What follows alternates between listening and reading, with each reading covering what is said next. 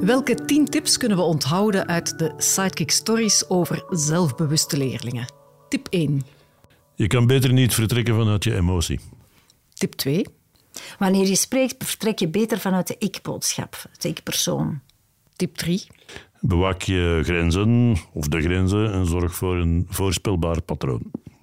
Tip 4. Eh, geef het voorbeeld. Tip 5. Leg steeds uit waarom je doet wat je doet.